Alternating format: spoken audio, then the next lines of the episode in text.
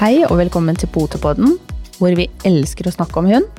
Dagens episode har ikke noe konkret tema, faktisk, annet enn at vi snakker hund og forskjellige deler av hundelivet.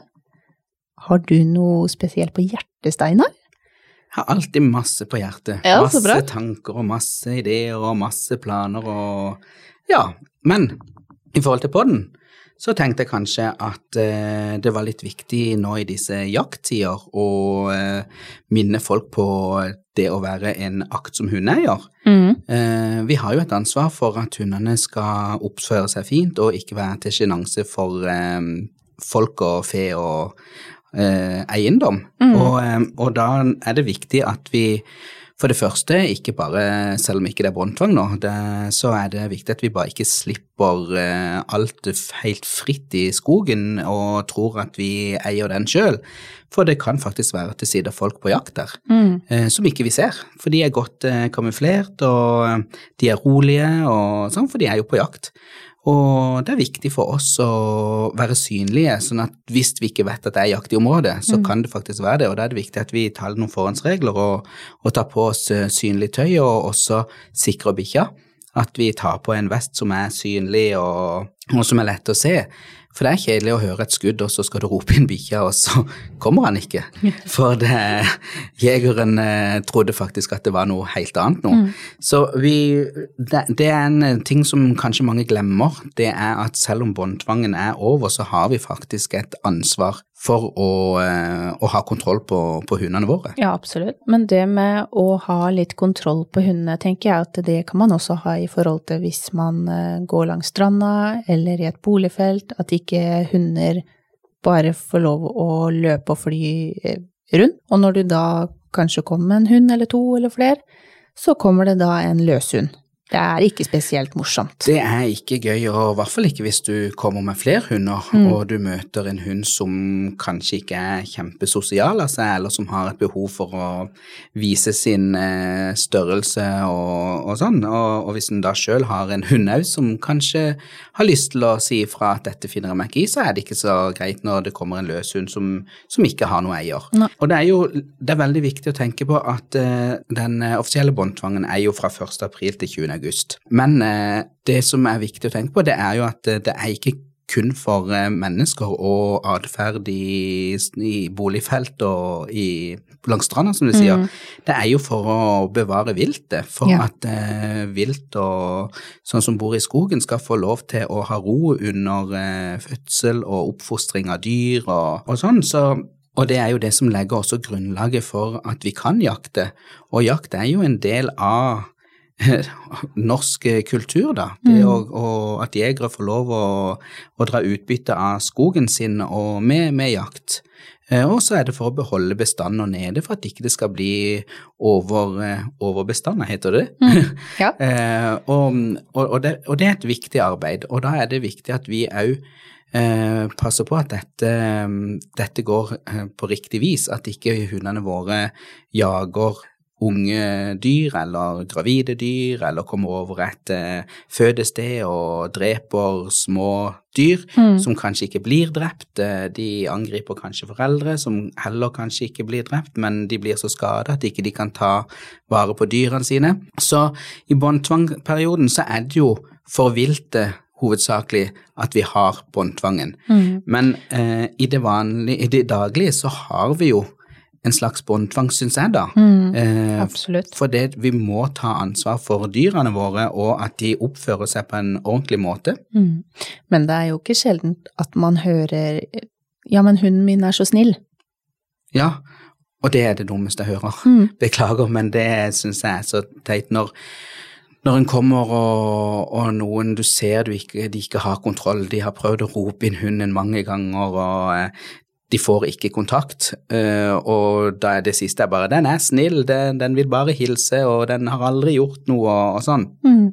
Og der har jeg en, eh, en liten historie i forhold til når jeg hadde en flatcoat retriever. Eh, Han var kjempesnill, men han var en stor hannhund. Slåss aldri og yppa aldri til bråk. Og så jeg trente den veldig mye på innkalling, for det Flatcoat Retriever er jo en supersosial rase som Mm. tenker at alt av mennesker er til for dem, det er kun for å please dem, Mm. og kun for å kose. Så når den så et menneske, så var det jo bare i 140 av gårde og tenkte yeah, et nytt menneske som skal, skal kose med meg. Mm. Når det er en valp, så er det veldig greit, eh, for eh, folk blir som regel ikke veldig sinte da. Eh, Jeg er, veldig, bare- jeg er bare veldig glad for at ikke det var noen som var redd for hund, for det er jo uansett. Eh, Om det er en valp eller liten eller stor hund, så er du redd for hund, så er du redd for hund. Ja. Men jeg måtte i hvert fall trene veldig på innkalling med denne her hunden. Og da må en jo også oppsøke steder der det er folk, eh, og da med langline og med forskjellige remedier og, og sånn, da. Og så kom jeg på en av disse treningsturene, og da var hunden blitt ja, rett over året. Han hadde aldri vært i slåsskamp og sånn, men han hadde blitt angrepet av en nabohund som ikke var i bånd. Og eh, han var en stor hannhund, så han klarte å gjøre bite fra seg, så det var han som gikk seirende ut. Ja. Det kan være positivt for min del, men kanskje ikke for den han møter neste gang, for da har han på fått en så stor mm. Boost. så stor boost ja, at han tenker hei, her er det bare å gyve på, for dette tar jeg. Mm.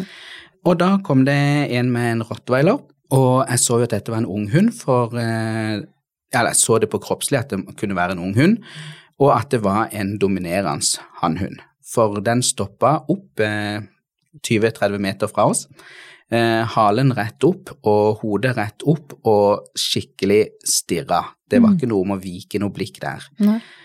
Og jeg tenkte ohoi, dette kan bli veldig spennende. Og eh, det var jo også en Eller grunnen til at jeg tror det er en ung hund òg, det var jo fordi at han har kanskje ikke hatt de store opplevelsene med at han kommer i krangel med andre, for han så litt usikker ut òg. At eh, skal jeg fortsette, skal jeg ikke? Den ble stående. Og så hører jeg en eier som kommer rundt svingen og roper og liksom er streng i stemmen, og denne her hunden viker jo ikke. Jeg har stoppa opp, jeg fortsetter jo ikke å gå, jeg står. Jeg får min hund inn til, eh, til meg, den fletten inn til meg. Prøver å vri han litt, sånn at ikke han skal sitte og se rett på denne rottweileren. Mm. Og så tar rottweileren et par skritt imot og begynner å som jeg tenker, Nå begynner han å utfordre og se hvor langt han kan gå, og hvor nærme før det eventuelt smeller. Og, og da sier, roper eieren at uh, han er egentlig ikke farlig, han er, er bare veldig snill, men han er litt utrygg, men han er ikke farlig. Og så tenker jeg nei, det er jo egentlig ikke min heller, men jeg har jo ikke noe lyst til at de skal uh, barke sammen. Mm. Så jeg roper til han, men det er min. Min er veldig farlig, det er derfor jeg har den i bånd. Eller farlig, sier han, er ikke farlig, men han har faktisk banka en god del hunder som har utfordret han. Og, og han gir ikke ved dørene, han tar, sier jeg. Og hvis din hund kommer, så skal jeg la han forsvare seg. Mm. Så det er ditt valg. Og da ble han jo helt vill og gal i forhold til å få tak i denne hunden, med å rope og gjøre ting for å få oppmerksomhet og alt mulig sånn. Og heldigvis så snudde hunden, for han ble mer oppmerksom på eieren og hadde faktisk sikkert enda en, en ok grunntrening, at han klarte å avbryte dette Ja. og få han tilbake. Og da når jeg, han hadde fått han i bånd, eh, og vi passerte hverandre, så stoppa jeg litt sånn for, eller litt eh, på avstand da, og, og, og denne her hannhunden viste ikke noe aggressive tegn da. Nei. Da var han litt mer sånn jo, en hannhund er en hannhund, liksom, men ikke noe sånn jeg tenkte oi, her, han her ryker på snart. Mm. Eh, så sa jeg det at eh, du må være klar over det at selv om din hund er snill, så er det ikke alle hunder som er snille. Min hund hadde nok aldri yppa til noe kamp med din hund eller gjort noen ting, eh, men det vet ikke du. Du vet ikke hva som møter deg rundt neste sving, du vet ikke hva den neste hunden som går i bånd, hva den vil gjøre for noe. Nei. Og det kan være at du hadde møtt en skikkelig slåsskjempe der eierne faktisk hadde tatt ansvaret sitt Mm. og hadde hunden i bånd. Selv om de gikk på en skogsti, Mm. så vet de at vi, her ferdes det andre mennesker, her ferdes det andre folk med hunder, så derfor velger de å ta ansvaret sitt og, og være gode hundeeiere med å ha hunden i bånd. Mm. Så, um, så før du roper at din hund er, er snill og grei, så, og, og stoler på det, så syns jeg du skal heller trene en del på innkallinga, sånn at du heller kan stole på den, istedenfor at ikke det skal skje noe. Så, og han, eh, han var heldigvis en veldig ok fyr, og sa bare ja, han fikk seg en liten støkk da, og hadde jo ikke lyst til at hans hund heller skulle oppleve å bli tatt, eller være, for han hadde ikke han hadde heller ikke hatt noen opplevelser med Mm. å, å bli banka eller eh, angrepet av noen andre hannhunder.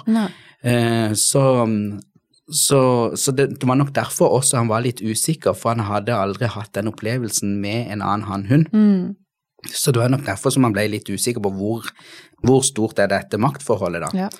Så, så det er utrolig viktig at vi tenker oss om når vi slipper hundene på strendene, som Mm. du sier, eller i en park, eller eh, ja, på en parkeringsplass bare, Mm. at den, at den har trent godt på innkalling, altså. Og det Vi har en fòrhund i uh, Oslo som uh, akkurat har opplevd litt av det som du sier.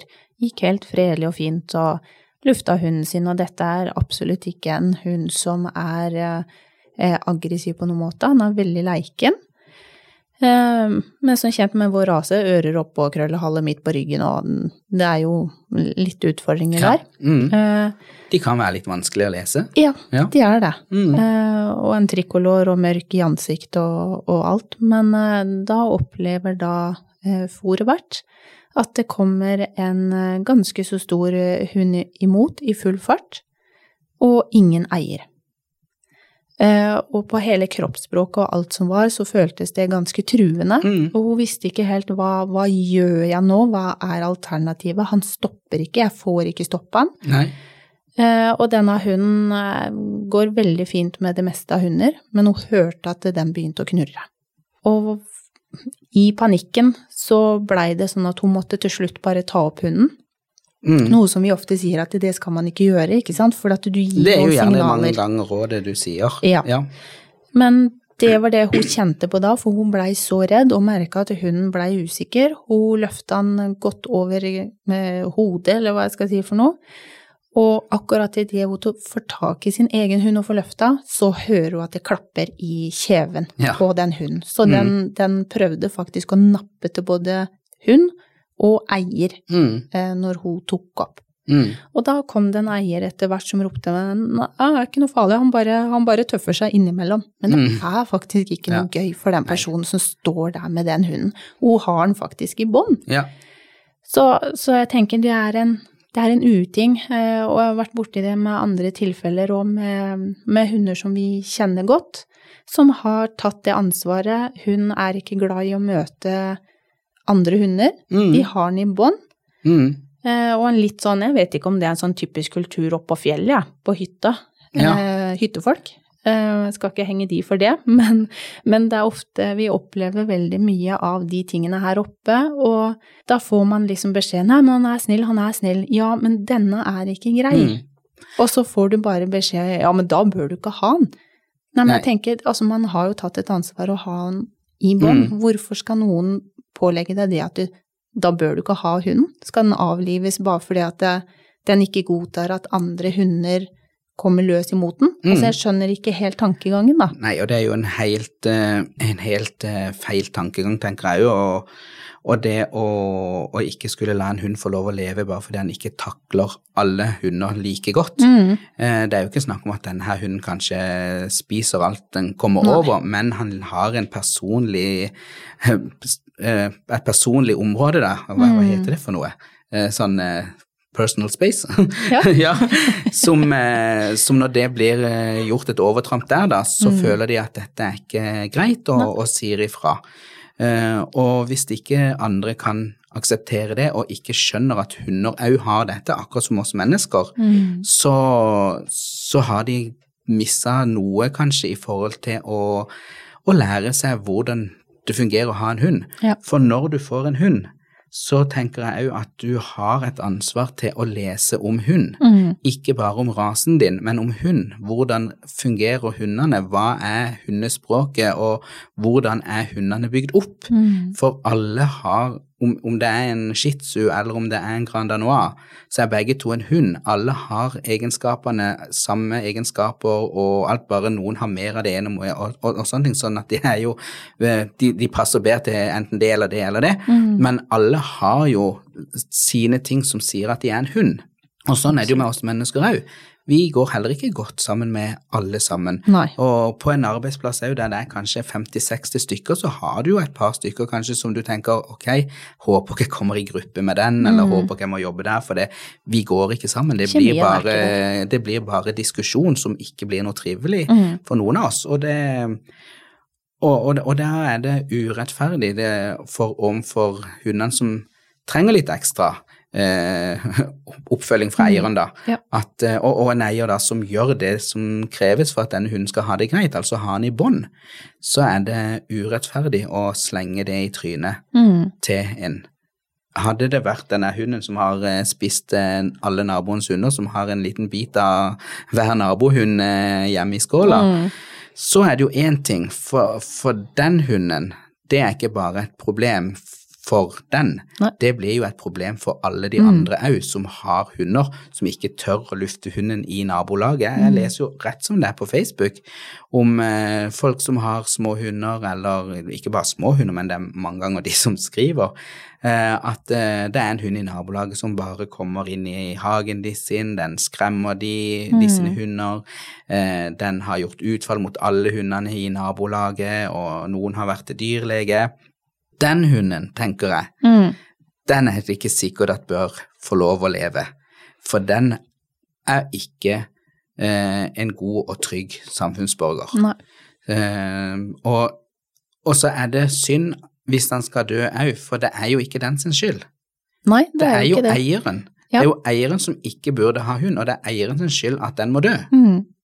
For hadde den aldri klart å ta de hundene, og eieren var sitt ansvarsbevisst, og hadde han i en hundegård, eller hadde han i et eller annet sted der han ikke kunne komme til alle disse situasjonene, Mm. så hadde det heller ikke vært noe spørsmål om han skulle leve eller ei.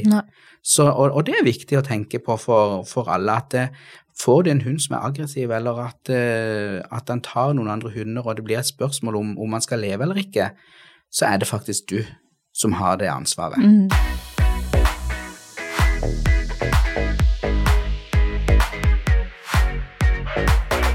Og der kom vi litt inn igjen, det har jo ikke akkurat med, med båndtvangen å gjøre, men vi er litt inne på temaet likevel.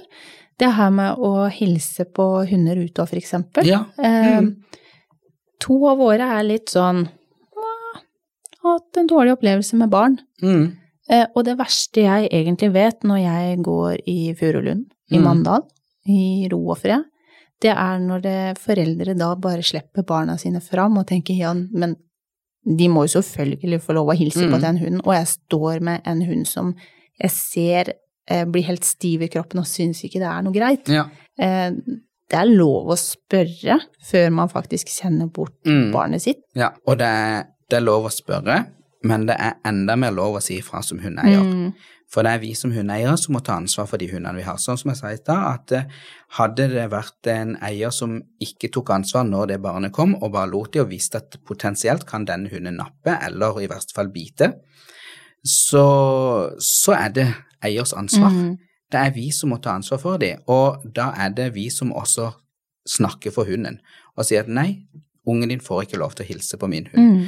fordi han er ikke glad i barn. Og da får du kanskje igjen den derre ja, men da burde du ikke hatt den hunden. Og da tenker jeg at nei vel, kanskje ikke du burde hatt det barnet, Mm. for det at du klarer ikke å ta ansvar overfor alle. Jeg liker heller ikke at alle barn skal klatre på meg, Nei, liksom. da er vi to. Er, og, og jeg jobber i skole, og det er jo kjempe Jeg trives med barn og, og syns det er kjempegøy og, og dette men plutselig, hvis den kommer på, på et sted og plutselig det står noen unger som bare skal trampe opp igjen, og Mm. ja, så syns ikke jeg det heller er behagelig. Nei. For jeg har også min personlige område som jeg har lyst til at ikke alle skal bare ta del i. Mm. Ja. Mm.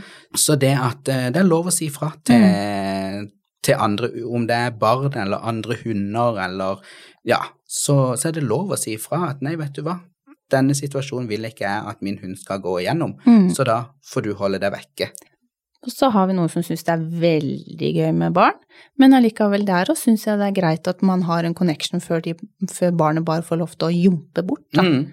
Eh, For sånn som eh, noen hunder er jo kjempeglad i barn, eller ikke sant, og så kan Mm. de tippe de over ende, og så blir det gærent. Ja, og så skal de ja. leke litt med dem, og så får de et klor på kinnet, Ja. eller eh, de skal leke bite, og så er de skarpe i tennene, og Mm. Begynner barn å grine og, og sånn, og, Og da blir det ugreit. da blir det ugreit. Da vet vi hvem som får skylda, Ja. og det er ikke barnet. Nei, Nei. det er kanskje ikke det er folk heller som er vant med hund, tenker jeg. Og Ja. så tenker de at ja, men han beit jo. Mm, Og så har han jo på en måte lekebitt. Det er Ja. veldig vanskelig å skille mellom det, med mindre det er en voldsom sånn ja. kamp, da. Og da er vi jo tilbake gjennom det vi snakka om helt i begynnelsen, det å være ansvarlig hundeeier Mm. og ta ansvar. At båndtvangen er ikke en båndtvang for at, eh, for at resten av året skal vi kunne gjøre akkurat som vi vil. Mm, For det kan helt vi ikke. Det, det er båndtvang hele året. Så lenge du ikke er trygg på at hunden din kan oppføre seg greit, mm. så er det båndtvang. Ja. Og um, Og så er det kanskje litt med det å kjenne både hunden, men også rasen. det er absolutt veldig, Er veldig viktig å... å kunne kjenne rasen sin òg, om hva mange kan være skeptisk til, eller Mm. sånne ting. Men der tror jeg også det er mye individuelt i forhold Mm. til innad i rase. For vi, sånn som vår rase, altså den ene av våre raser som er hvit gjeterhund, det er jo en rase som skal være veldig glad i barn. Mm. Liker å være med barn, og vi ser jo når vi har hatt eh, treff med andre med rase og rasen og det, så, så trekkes eh, både valper og voksne hunder mot barn hvis det er barn der. Hvis de er i en Mm. sandkasse eller med noen runser eller et annet sted på et eh, jorde som vi er, så, så flokker veldig ofte hundene seg rundt barna og vil, Mhm. vil være der. Men du har jo også der hunder som ikke liker, eller liker mennesker like godt, da. Mm. Eh, de trekker seg litt og syns det er ubehagelig og, og, det, og dette her. Så, så, Og så kan du kanskje ha en hund som, som jeg tenker hvis, Det med å være viktig at du vet hva du har av en type hund. mm, Kanskje du har sluppet den løs i skogen, da. mm, Og så er det egentlig en uh, jakthund. Ja. Og så får den ferten av et eller annet kjempespennende, og så er full gass inn i skogen der med eier etter, ja. som roper og hoier. Ja, da kan det jo bli ganske spennende. Det kan bli spennende å Ja. se hva de kommer ut med, om de kommer ut med noe fra skogen eller ikke. Eh, eller om de kommer ut med hverandre, eller ja. Ja. Eh, mange, mange situasjoner som kan oppstå i sånne, i sånne settinger. Ja.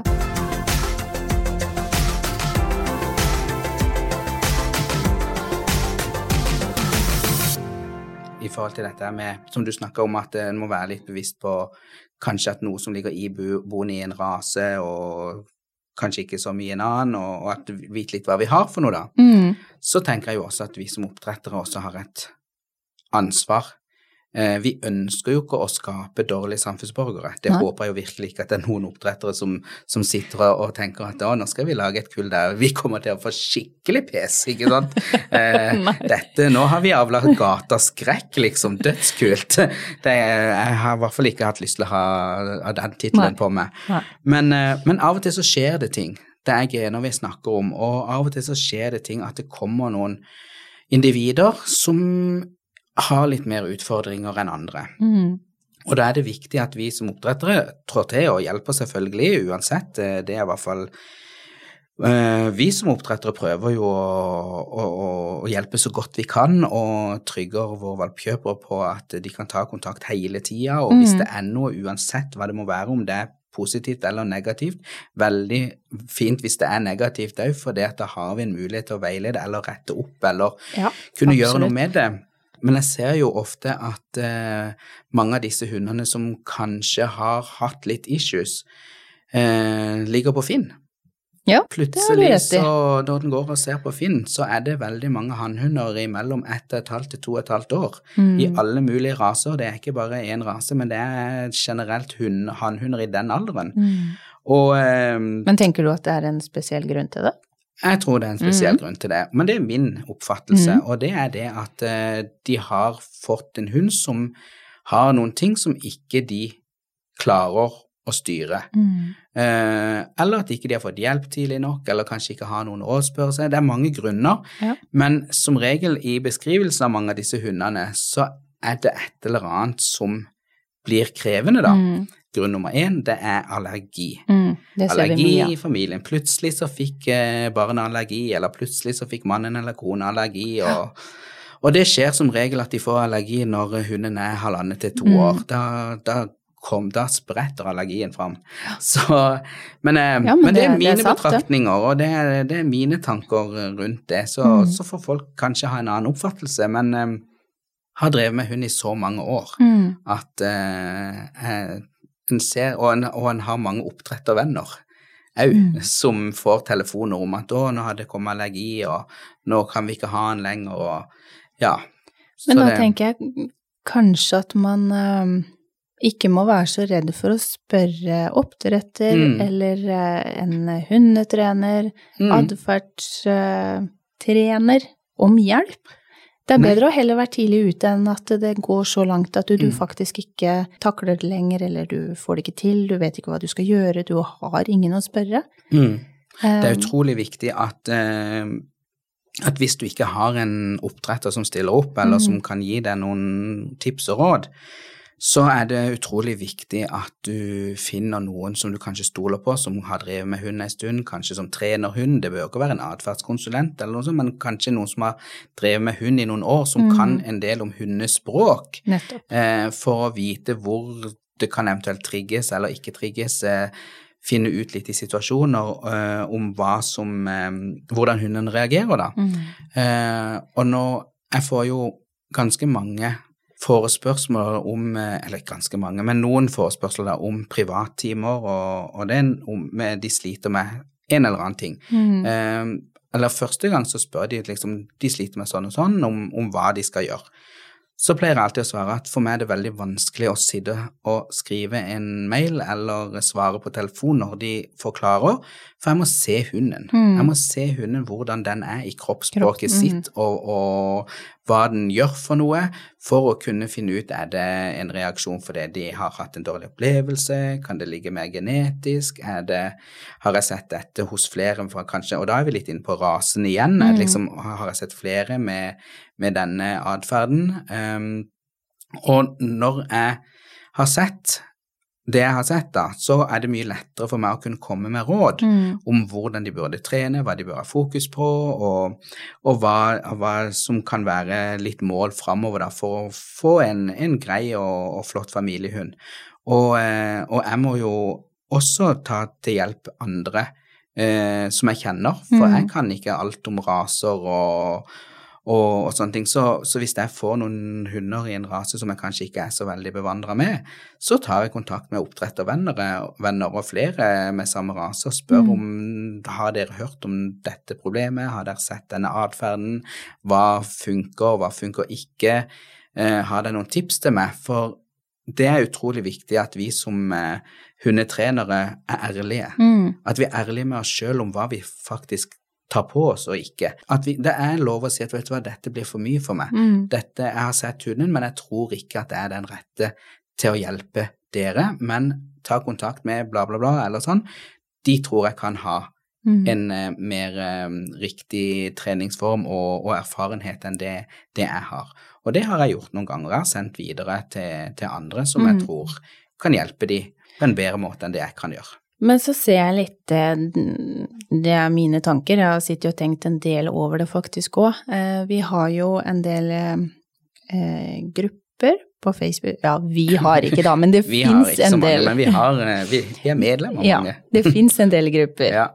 eh, hvor folk stiller spørsmål om enten om det er adferd eller rundt fødsel eller hva som helst. Mm. Um, og det kan være, hva skal jeg si, det er vanskelig, det er mange meninger, det er mange synsinger. Eh, Noen prøver så godt de kan å komme med noen råd ut ifra hva trådstarteren har lagt ut av Mm. beskrivelse.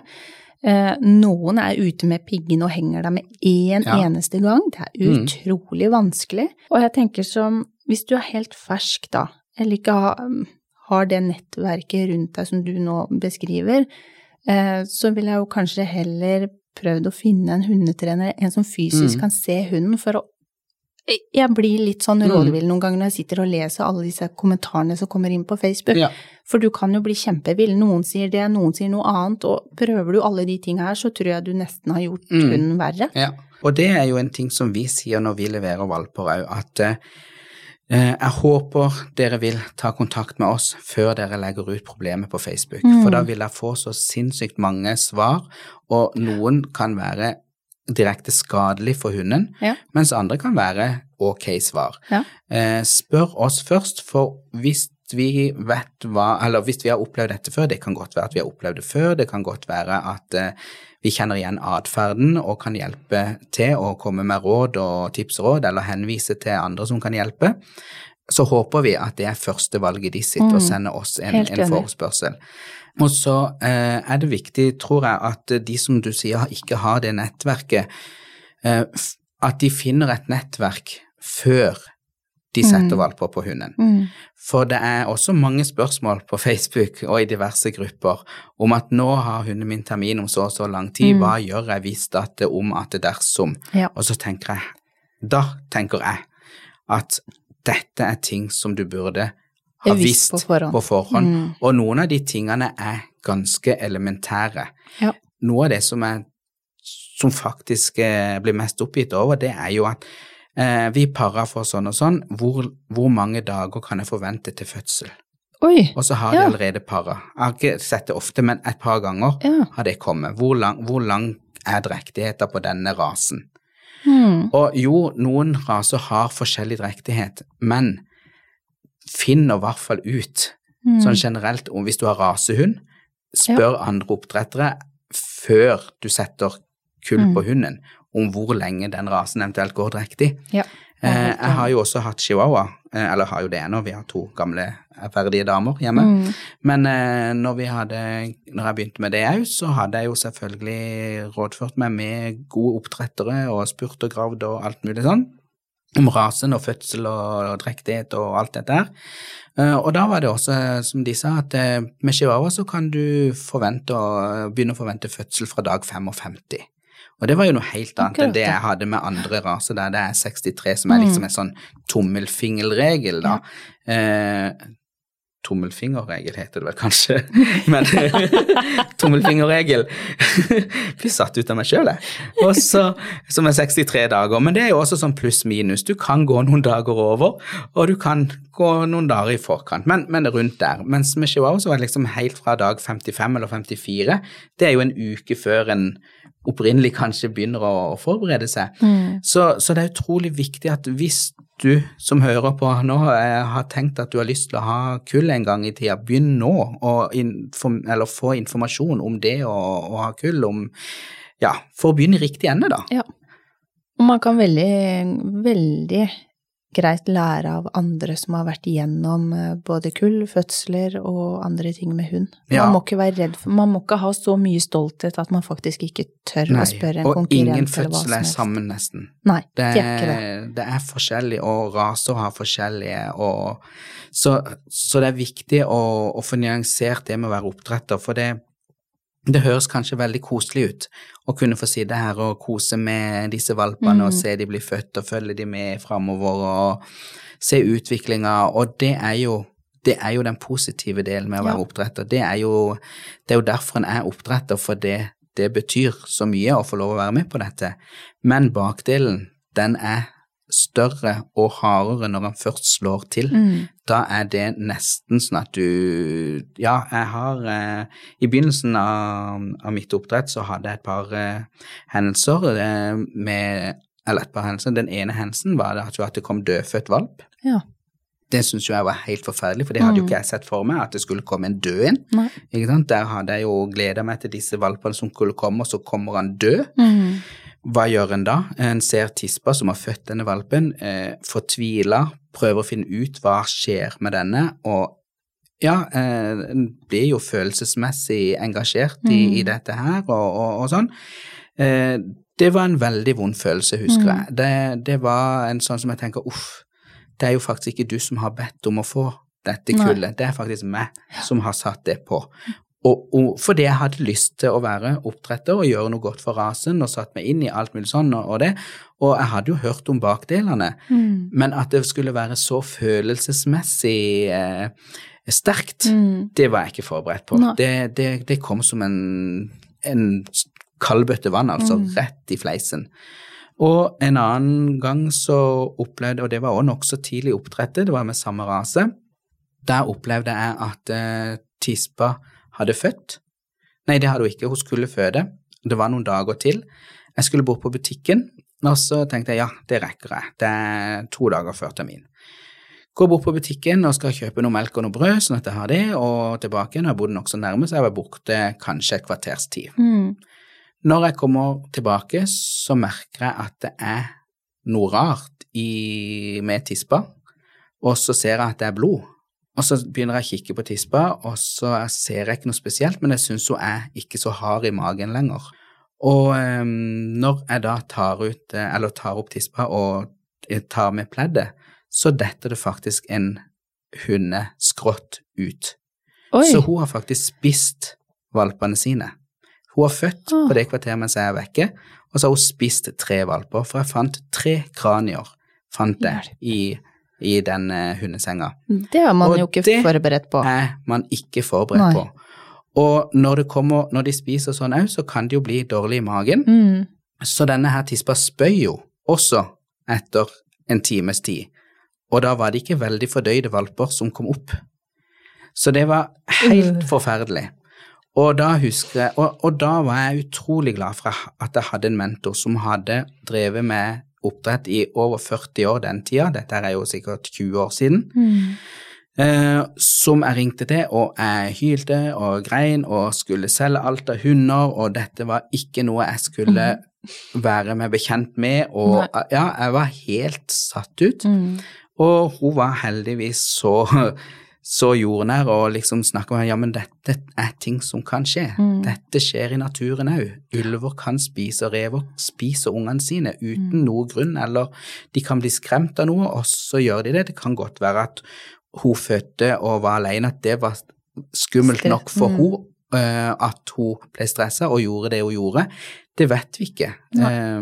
det, du har jo også tisper som ikke egner seg som mødre, som Mm. er med en gang den valpen er ute, så skal de ta den. Og, og, og måten du opp, opp, eller merker det, er jo kanskje fordi at den tar første valpen. Mm. Og det har jeg òg hørt om oppdrettere som har opplevd at eh, når første valpen kommer, så snur bare tispa seg og biter til og dreper valpen. Mm.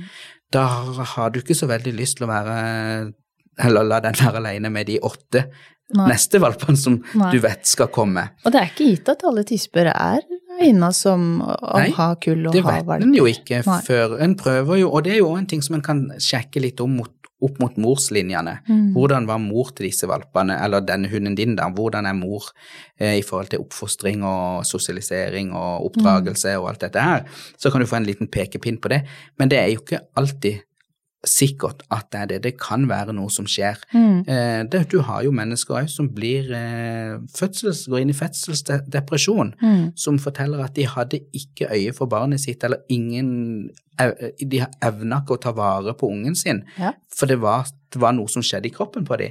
Sånn kan det skje på, på den beste hund òg. Mm. Og, og det er ting som jeg tror mange må, må få høre Mm. før de begynner på oppdrett, sånn at de er klar over at ting kan skje. Ja, det er ikke så gildt at det bare er å sitte og vente på at valpene plopper ut, og så er alt fint. Det Nei. kan skje veldig Mm. mye, og, og jeg har også vært borti noe av det som du har vært borti. Eh, Mm. og da var jeg heldig og hadde deg som mentor. Jeg syns det var Mm. knalltøft. Mm. Eh, men eh, både du og Frank gikk inn for meg og kunne ta over. Og jeg, Mm. jeg syns det var eh, veldig vanskelig, eh, også fordi at eh, vår rase er kjent for eh, ukomplisert fødsler. Mm. Eh, Så den var jeg rett og slett ikke helt forberedt på, men, men det skjedde ting som gjorde at eh, jeg ringte deg, Mm. og i løpet av kort tid så, så kom du og var der og kunne steppe inn og eh, hjelpe oss med Mm. akkurat den casen. Så det er veldig viktig eh, når man skal starte med et kull, å ha, enten ha en god oppdretter, ha noen gode støttespillere som du kan lene deg på, Mm. som du kan ringe til. Bare det noen ganger hvis fødselen går litt seint, hvis det er litt store valper, Ja. eller, og du ikke får dem ut. Bare det å, å ha en god og trygg person i telefonen på øret Mm. som kan prate med deg samtidig som det her foregår, det er, eh, det er faktisk ganske viktig. Det er Eh, kjempeviktig. Og den eh, mentoren som jeg også hadde, hun bodde i Oslo, og jeg bodde jo da i Kristiansand. Mm, så det var jo ikke det at hun bare kunne komme og sånn, men det å ha den personen jeg visste jeg kunne ringe til og grine og hyle og være helt utafor meg som Ja. skjønte hvorfor jeg var det. For hadde det vært en person som kanskje ikke drev med oppdrett, eller sant, en, en, en nær venn som kanskje ikke hadde den forståelsen, Mm. ville kanskje gjort noen helt andre ting og sagt noen helt andre ting som men hun sa de tingene jeg trengte Ja. for, å, for å roe meg ned, for å tenke at ok, dette er ikke undergangen, Mm. liksom. Og så er det mange som tenker at eh, ja, men dette bør dere være forberedt på å vite, liksom, fordi at Mm. dere har jo tross alt paradentispa. Ja, selvfølgelig har vi det, men vi går jo ikke og tenker at eh, det er det som skal bli utfallet. Vi, vil, vi gjør det jo i beste mening for både rase og for at eh, man ønsker at det skal komme friske, sunne, gode valper, Mm. da. Og det var jo det jeg sa også, at jeg var jo forberedt at ting kunne skje, Mm. for det hadde jeg blitt fortalt. Men at det skulle bli så sterkt følelsesmessig, det var jeg ikke forberedt Nei. på, for jeg trodde at jeg var ganske sterk i forhold til å takle sånne ting. For en har jo Mm. hatt hunder som har skada seg, som har måttet operere, som, har, som en har måttet ta livet av Mm. av sykdom, og alt dette her er hardt. Men det å stå i den situasjonen der og da, det, den følelsesmessige reaksjonen var jeg ikke forberedt på. Nei. Men, men jeg er veldig glad for at jeg opplevde de tingene såpass tidlig i mitt oppdrett, Mm. for da er jeg så mye mer ydmyk Ja. det å være oppdretter, for jeg vet hva som kan gå galt, Mm. og mye mer glad og stolt når ting går greit. Mm. Og så er jeg nå også forberedt på at når det skjer igjen, eller om det skjer igjen, så har jeg et mye mer register å spille på i forhold til hva gjør jeg for noe, Ja. hvordan kan jeg hjelpe tispa, hvordan kan jeg hjelpe valpen, hvem ringer jeg, ikke sant, sånne ting. Du får mye mer erfaring. Får, får erfaring og blir tryggere i det å være en oppdretter. Mm. Uh, og så, så, er, så er jo ikke Eller jeg syns det er veldig bra at jeg fikk den erfaringa også. Ja. At ikke bare seiler igjennom, Nei. og så plutselig etter mange år så skjer det noe. Selv om det er, det er eh, tøft, det er vanskelig når eh, sånne ting skjer, men eh, du får mer erfaring, eh, og du klarer kanskje ved neste anledning, om det skulle dukke Mm. opp et eller annet, så klarer du å holde hodet litt mer kaldt. Ja. Så, så ha noen gode mennesker rundt deg, noen gode mentorer. Det har jeg vært veldig, veldig glad for å ha hele veien. Viktig uansett om alt det vi har snakka om eh, i, i denne sendinga, så er det viktig å ha gode folk rundt seg. Mm. Eh, om det gjelder hundeoppdragelse, om det gjelder avl, om det gjelder alt mulig som du har spørsmål. Eh, oppdretter bør være den beste til å kunne Mm. hjelpe og stille opp. Eh, men har du ikke det, så finn noen. Mm. Finn noen som du kan, eh, som du kan spørre til råds om. Ja, absolutt. Helt enig.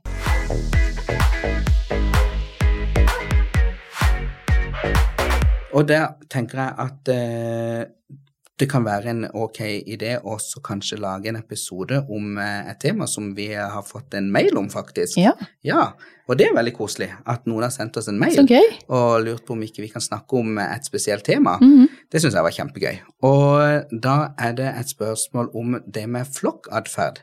Eh, Det å gå fra én hund til to hunder, Ja. eller kanskje flere hunder. Eh, Det er et stort tema. Det er mange ting å tenke på. Mm. Eh, Det kan bli en berikelse, og det kan bli en ikke så stor berikelse. Det vet en aldri. En god frustrasjon. En god frustrasjon også. Men som regel så går det seg til. Ja. Men, men det er et tema som jeg tenker vi kan ta opp og, og snakke litt dypere om. ja, absolutt. Det er et vidt tema, egentlig. Det er, veldig, ja. det er mange ting inni der. Og vi har mye vi har lyst til å si der. Veldig Det mye. Og når vi begge to har eh, litt store flokker, sånn som dere òg, Ja. og dere òg har fått tilbake noen som skal inn i en flokk, Mm. det er jo òg en side av det å ha en flokk, at plutselig, og som oppdretter, da, Ja. plutselig så står du der og må ta tilbake en, en valp. Mm. Eh, hva gjør en da? Eh, hvilke, hvilke spørsmål eh, dukker opp da? Mm. Så det er, det er veldig spennende med flokk. Det er det. Jeg holdt Og nesten på å si alle burde ha en flokk, men det burde ikke alle ha, for det er noen som har mer enn nok med sin egen Ja. ene. Men eh, det å ha en flokk er utrolig berikende, og Ja. da du lærer utrolig mye. man gjør det også er eh, Alle individene er så forskjellige. Mm. Eh, Man må lese hund, kroppsspråk, hvordan det fungerer, og hvordan vi tenker og klarer å lese de. Det Og, er da eh, må, og da er det jo i hvert fall viktig at du leser hund. Absolutt. Og ikke bare rase, Ja. men at du leser hund. At du Mm. lærer det grunnleggende om hvordan hunder Mm. snakker sammen. For det er Så det er spesielt. Det er veldig gøy. Det er jo litt sånn Ja. som folk tenker òg, ja, men nå har jeg to, nå har de selskap av hverandre og sånn. Ja. Men uh, ofte så kan det Men nå begynner vi å snakke om det. Ja, jeg blir, så- ikke jeg blir Ja, jeg vet, Vi engasjert. blir så engasjerte. Det er så gøy. Vi må jo ha noe Ja. til, til selve Ja, vi, episoden òg. vi får gjemme den skatten gjemme lite den litt, ja. Eh, Så, men, men det vi kan være enige om, det er jo at hvis noen som hører på har lyst til å sende oss noen temaer som de har lyst til å høre om, så står det jo fritt til det. Veldig. Ja, og, og hvor- spørsmål og Ja, tut og Spørsmål til oss. Ja. Det er jo ikke det som jeg sier, det er ikke sikkert at vi kan, kan det, men vi kjenner såpass mange at vi kan jo kanskje høre med noen og komme med et vettugt svar allikevel. ja. Så det er veldig spennende hvis det, noen av dere som lytter på har lyst til å sende oss noen spørsmål, Ja. eller noen ønsker til tema. Mm. Og hvor sender de det da? Da sender de det inn til eh, ckakademiet.no. Nei, det gjør de ikke. Gjør det? Nå er jeg trøtt. Da kan du gå inn på Facebook-siden til Potepodden. Det kan du. For vi har jo egen. Facebook-side. Ja. Potepodden, og sende en messenger-melding der. Ja. Det blir vi veldig glad for. Da jubler vi. Da jubler vi litt. Ja.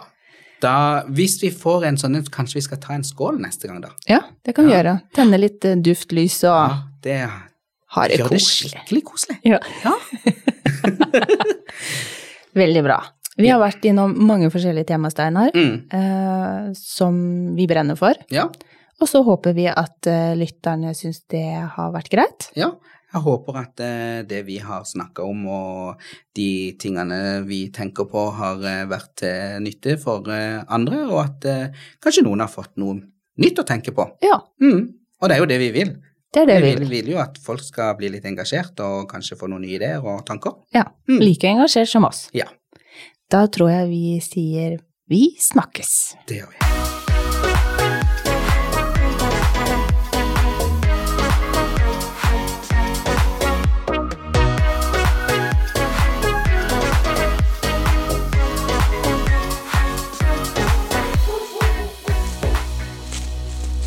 Potepodden, firebent prat laget av ckakademiet.no.